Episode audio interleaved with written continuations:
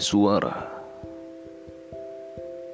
Suara adalah kekuatan yang Tuhan berikan untuk kita.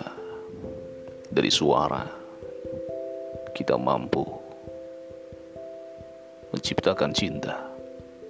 Dari suara Kita mampu Menghangatkan hati seseorang.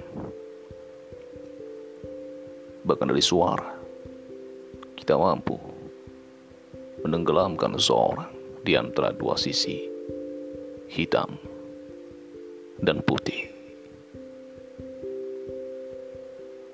Dengan berkata-kata, dengan bercerita, maka orang akan tahu keinginan kita.